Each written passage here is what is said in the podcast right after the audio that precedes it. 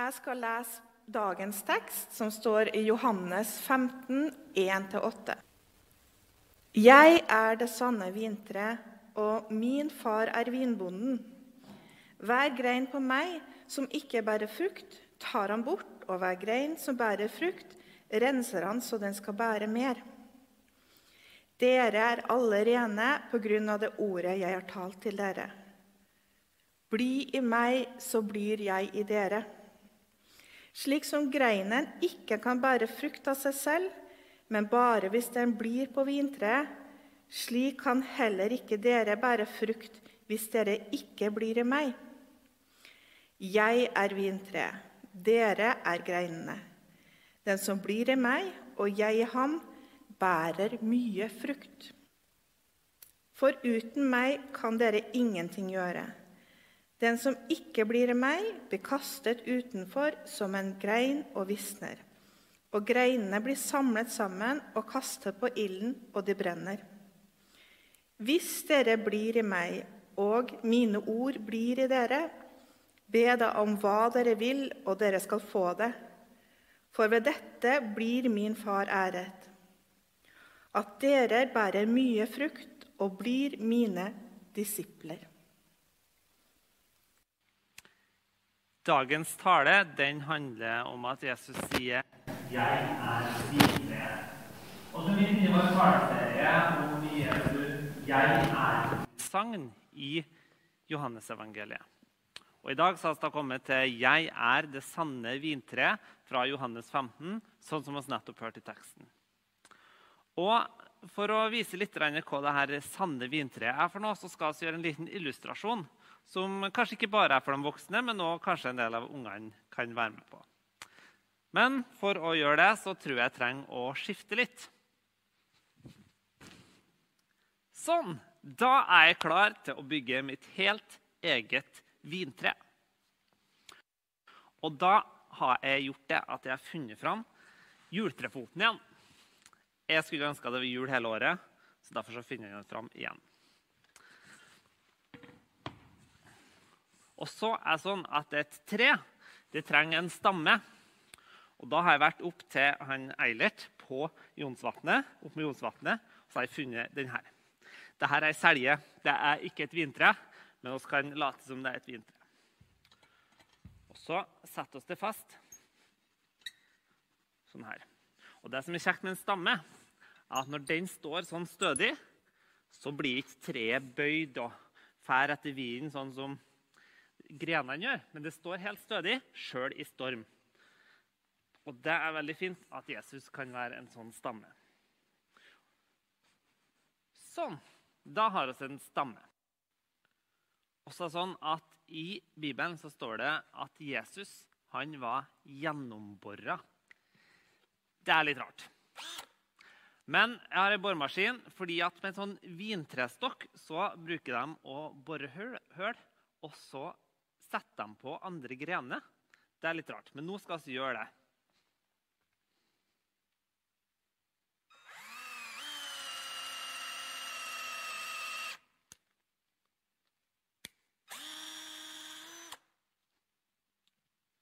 Sånn. Og da kan vi sette inn ei grein.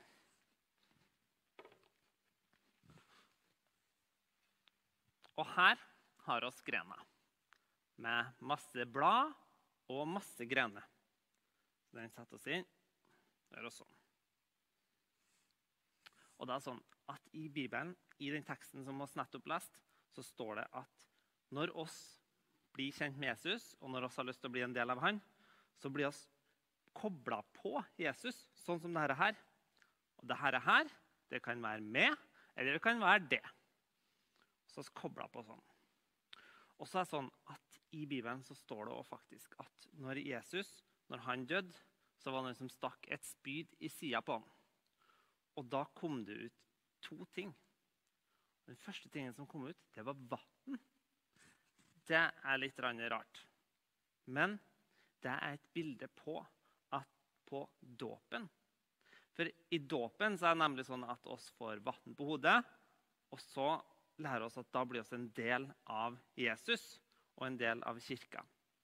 Og da er det sånn at Når du kobler et en gren på et sånt tre som det her, så vil det strømme vann ut i greinene. Og det er en gammel salme, en gammel sang, som sier det her veldig fint. Det er en sang som jeg sang veldig mye når jeg var liten. Den heter 'Med Jesus vil jeg fara'.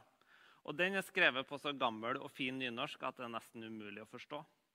Men der står det Du til de grein meg sette, alt i min første vår. Med livsens dog meg vette, gav sol og signa år. Livsens dog, det betyr altså livets vann, livets fuktighet.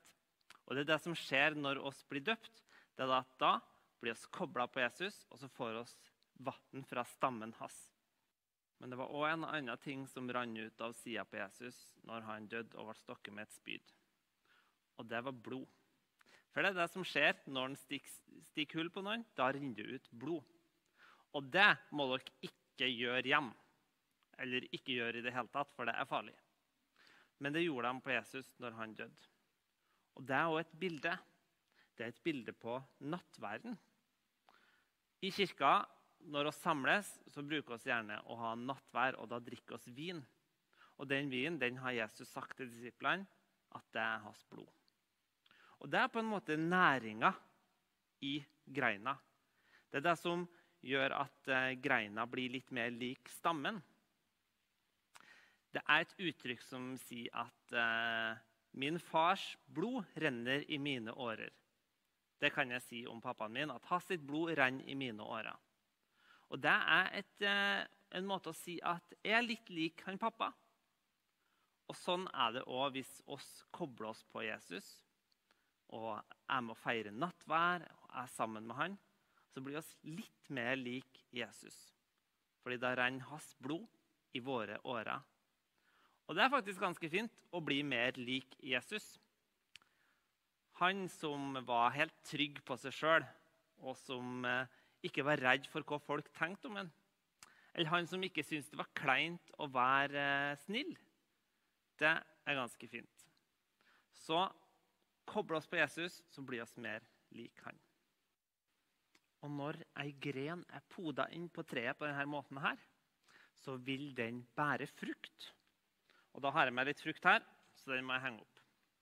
Og frukt det bruker Bibelen på å si når oss blir litt mer lik Jesus. Og frukt, det smaker godt. Og frukt det er bl.a. når oss eh, er litt ekstra snille med noen og gjør noe ekstra bra for noen. F.eks. hvis vi gir penger til dem som trenger det, eller hjelper mamma og pappa med oppvasken, eller et eller annet sånt. Og frukt det bærer treet for at flere skal ha være med på å koble seg inn og bli poda på treet. For det er nemlig sånn at dette er jo bare ei gren på ett tre. Det må jo være flere grener for at det skal være et helt tre. Så det må vi gjøre noe med. Og da har jeg rett og slett tatt og så juksa litt. Wow, se alle greinene på det treet her! Jeg syns dette treet her ble ganske fint og så bærer det masse frukt som jeg kan nyte. Og det er veldig godt. Nå kommer det noen spørsmål på skjermen som dere ungene kan snakke litt om. Imens skal jeg gå og skifte, og så skal jeg snakke litt til de voksne.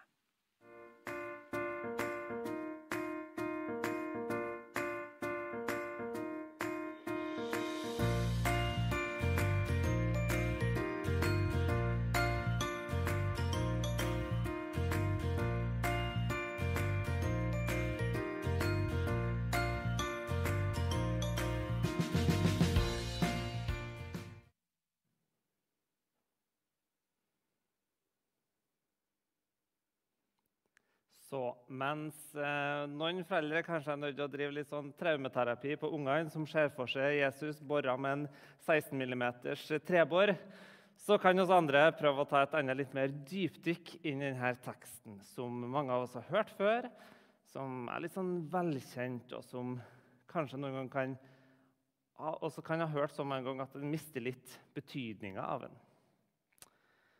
Også hørt om hvordan vintreet knyttes til korsfestelsen. Om hvordan dåpen og nattverden er et synlig tegn på at også er kobla på Jesus. og har sett hvordan Jesus kan være stammen som står i stormen, og oss kan få lov til å være eh, greinene som slipper å bære hele vekten sjøl.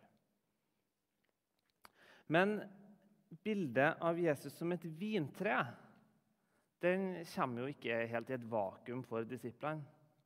For eh, mens oss syns at dette kanskje er litt fjernt og uvanlig bilde, så var vintre helt vanlig på Jesu tid.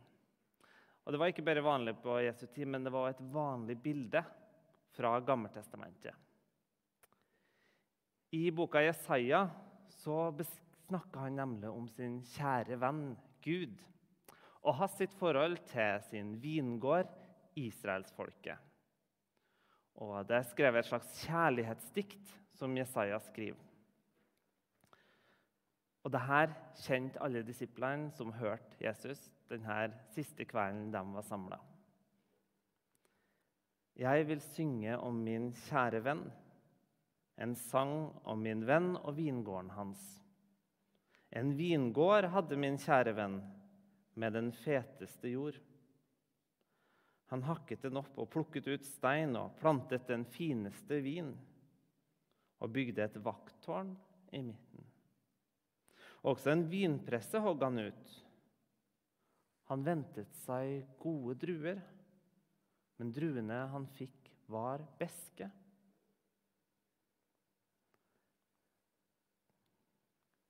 Dette er et av de viktigste bildene i Bibelen på forholdet mellom Gud og Israel. Israelsfolket skulle være som en vingård som skulle bære frukt, ikke bare til velsignelse for seg sjøl, men alle folka rundt. De skulle på den måten oppfylle den profetien, det oppdraget som Abraham fikk når han møtte Gud første gang i 1. Mosebok 12. I deg skal alle slekter på jorden velsignes. Altså Israelsfolkets oppgave var ikke bare å være velsigna av Gud og være et sånt eget folk for seg sjøl, men de skulle være til velsignelse for alle. Men så leser oss i Bibelen om et folk som stadig vender seg bort fra Gud.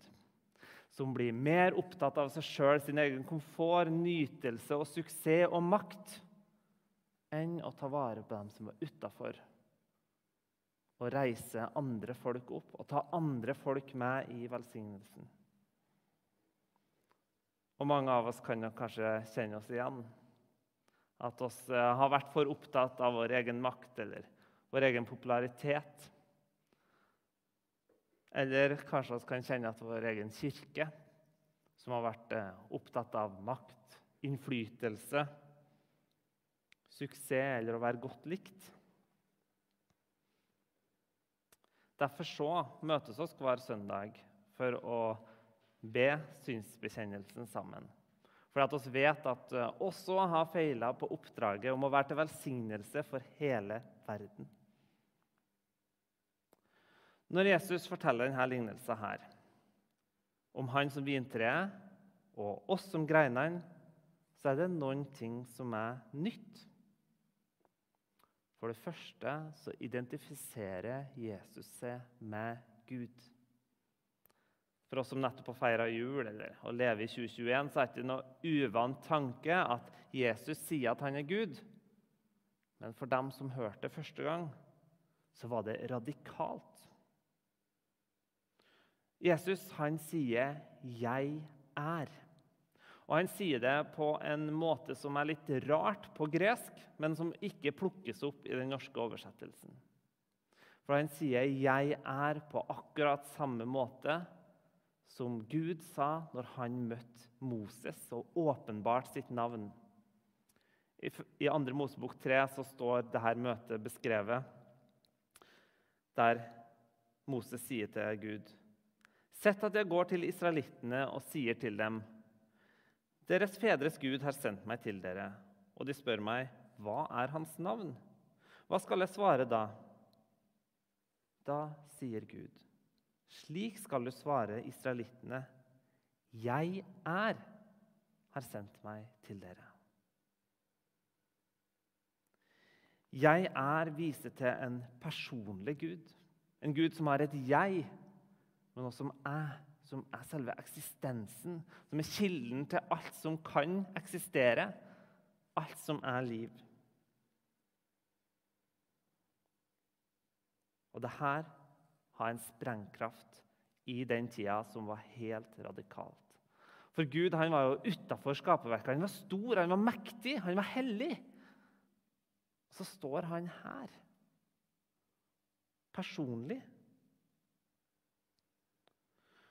Og denne sprengkraften i det budskapet skulle disiplene få møte bare noen timer senere, når Jesus var tatt til fange av disiplene. Og når de spurte hvem er her som er Jesus, så svarer Jesus 'Jeg er'.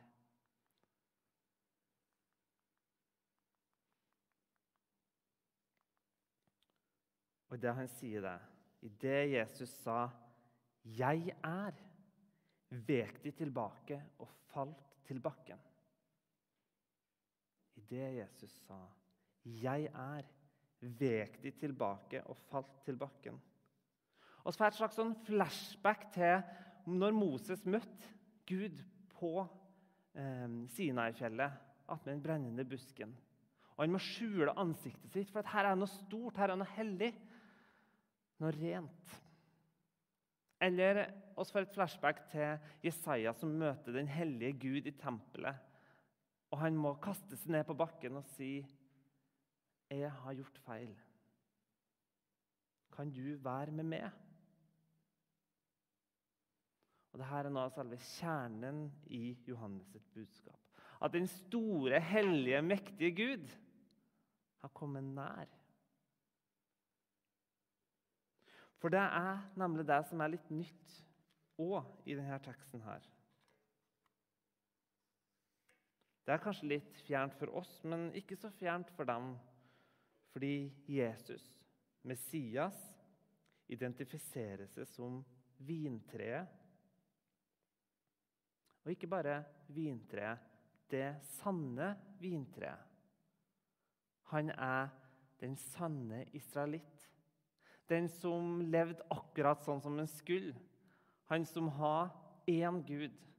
Han som levde etter loven.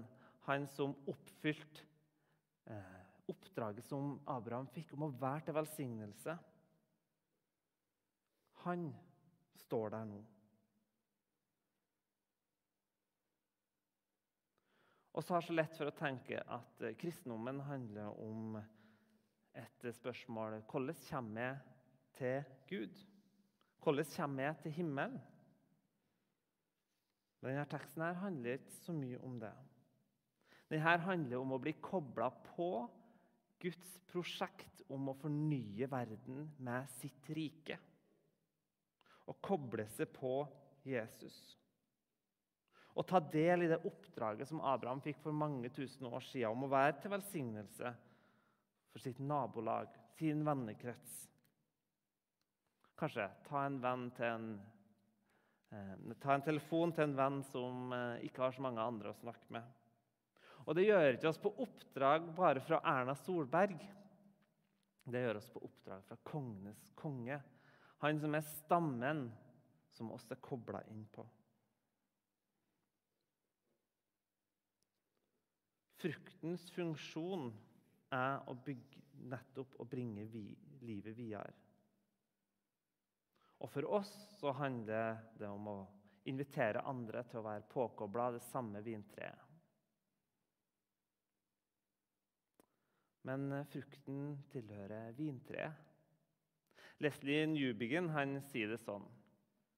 Frukten tilhører ikke disiplene. Det er vintreets frukt.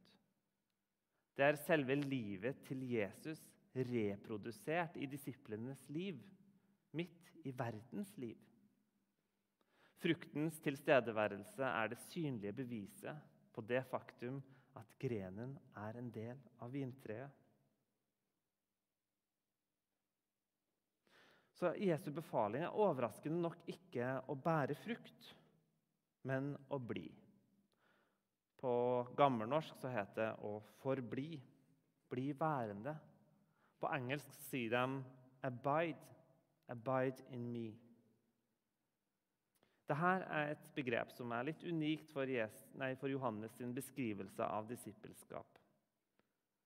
Å bli værende er verken passivt eller statisk.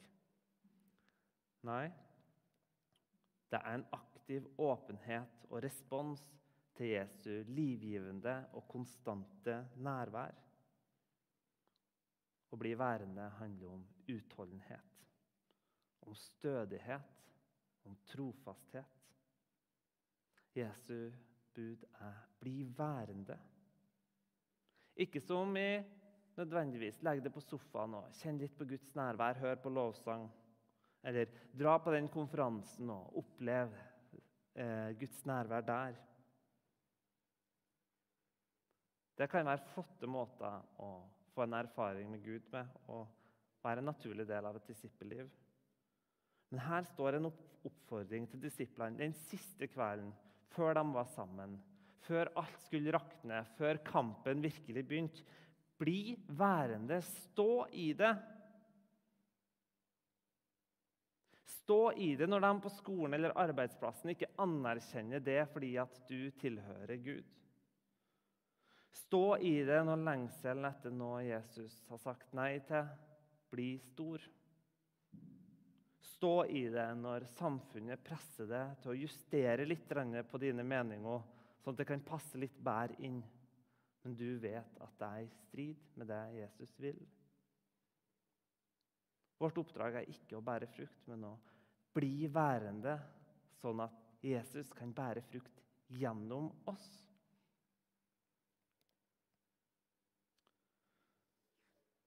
Men det er en ting som ikke er nytt med det bildet her òg. Og Det er det som er mest alvorsprega, og det som oftest vekker anstøt og utfordring i dagens samfunn. Det de skriver om å bli kastet utenfor. I vers 6 står det den som ikke blir værende i meg, blir kastet utenfor som en grein og visner. Og greinene blir samlet sammen og kastet på ilden, og de brenner.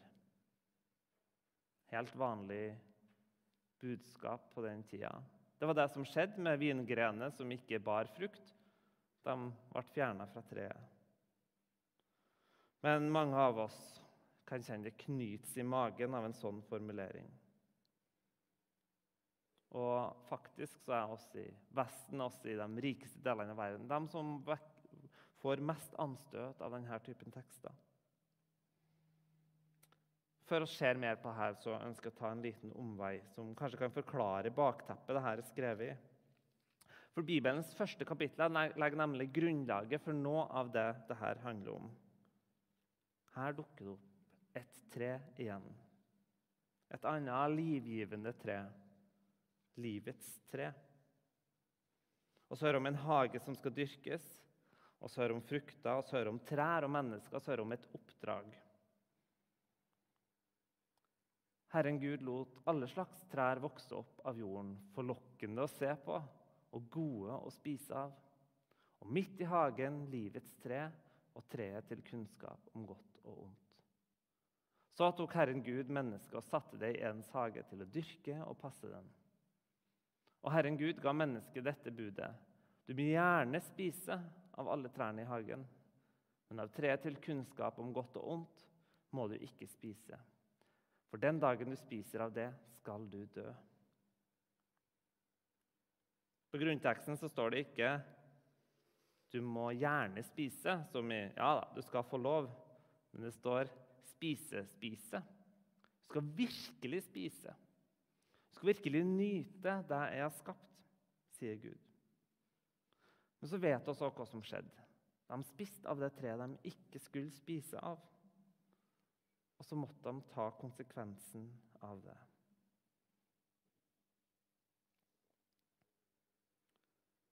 Gud gir mennesket et varig valg. Vil du nyte av alt det gode jeg har skapt?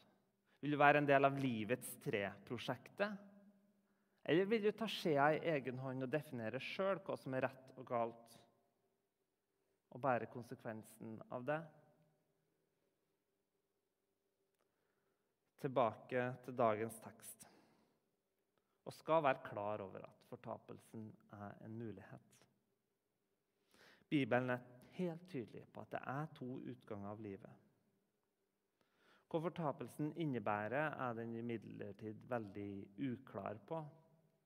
Og Dette er den eneste gangen Johannes beskriver dette her med ild. Men vi vet at eh, det er bildet som mange har av helvete, f.eks. Gjerne stammer fra en mystiker på 1200-tallet, Dante Allegri, som skrev Den guddommelige komedie.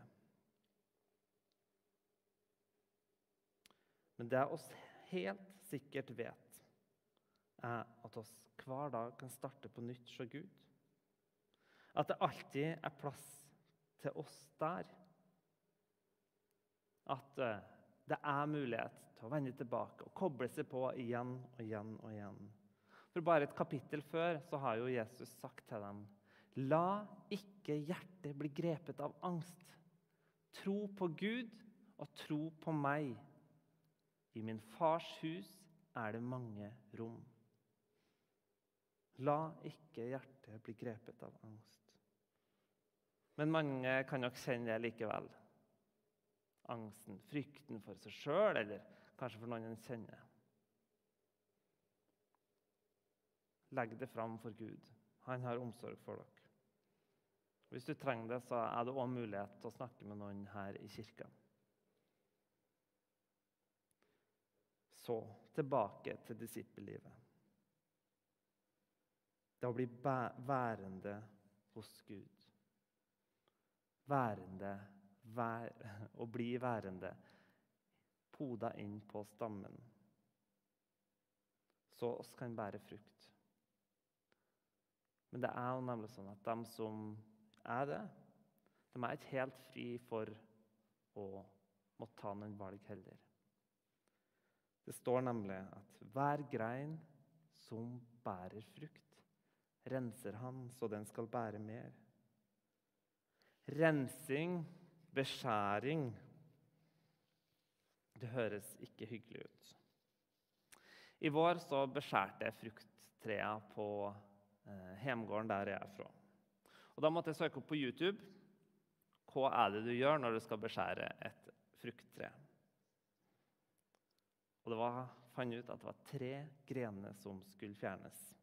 Og dem skal jeg ta og fjerne nå, så dere får se.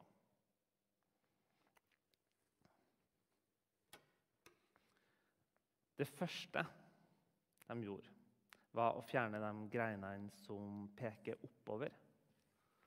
De som gjør at treet blir for høyt og ikke kan bære frukt som når ned til andre mennesker, som andre kan ta imot. Det andre er å fjerne syke greiner. Ting som holder på å råtne, sånn som denne greina her.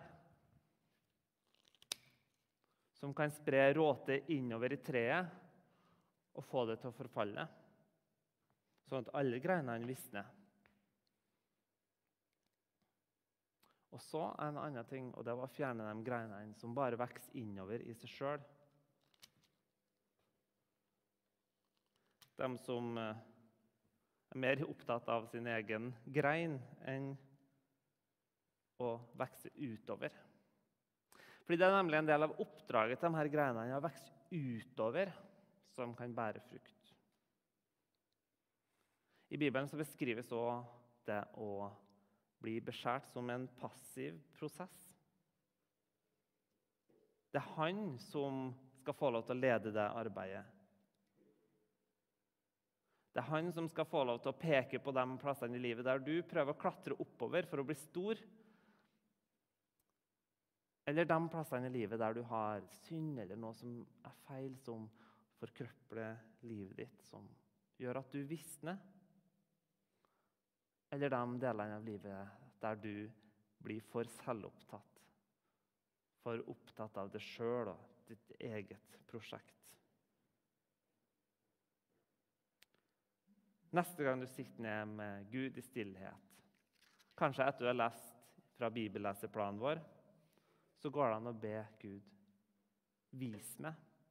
Vis meg hva det er som jeg trenger å bli beskjært fra. Vis meg hva jeg trenger å vende meg bort fra. Ta bort det som ødelegger. Det er en radikal bønn. Men Gud har omsorg for oss. Han ønsker kun det beste.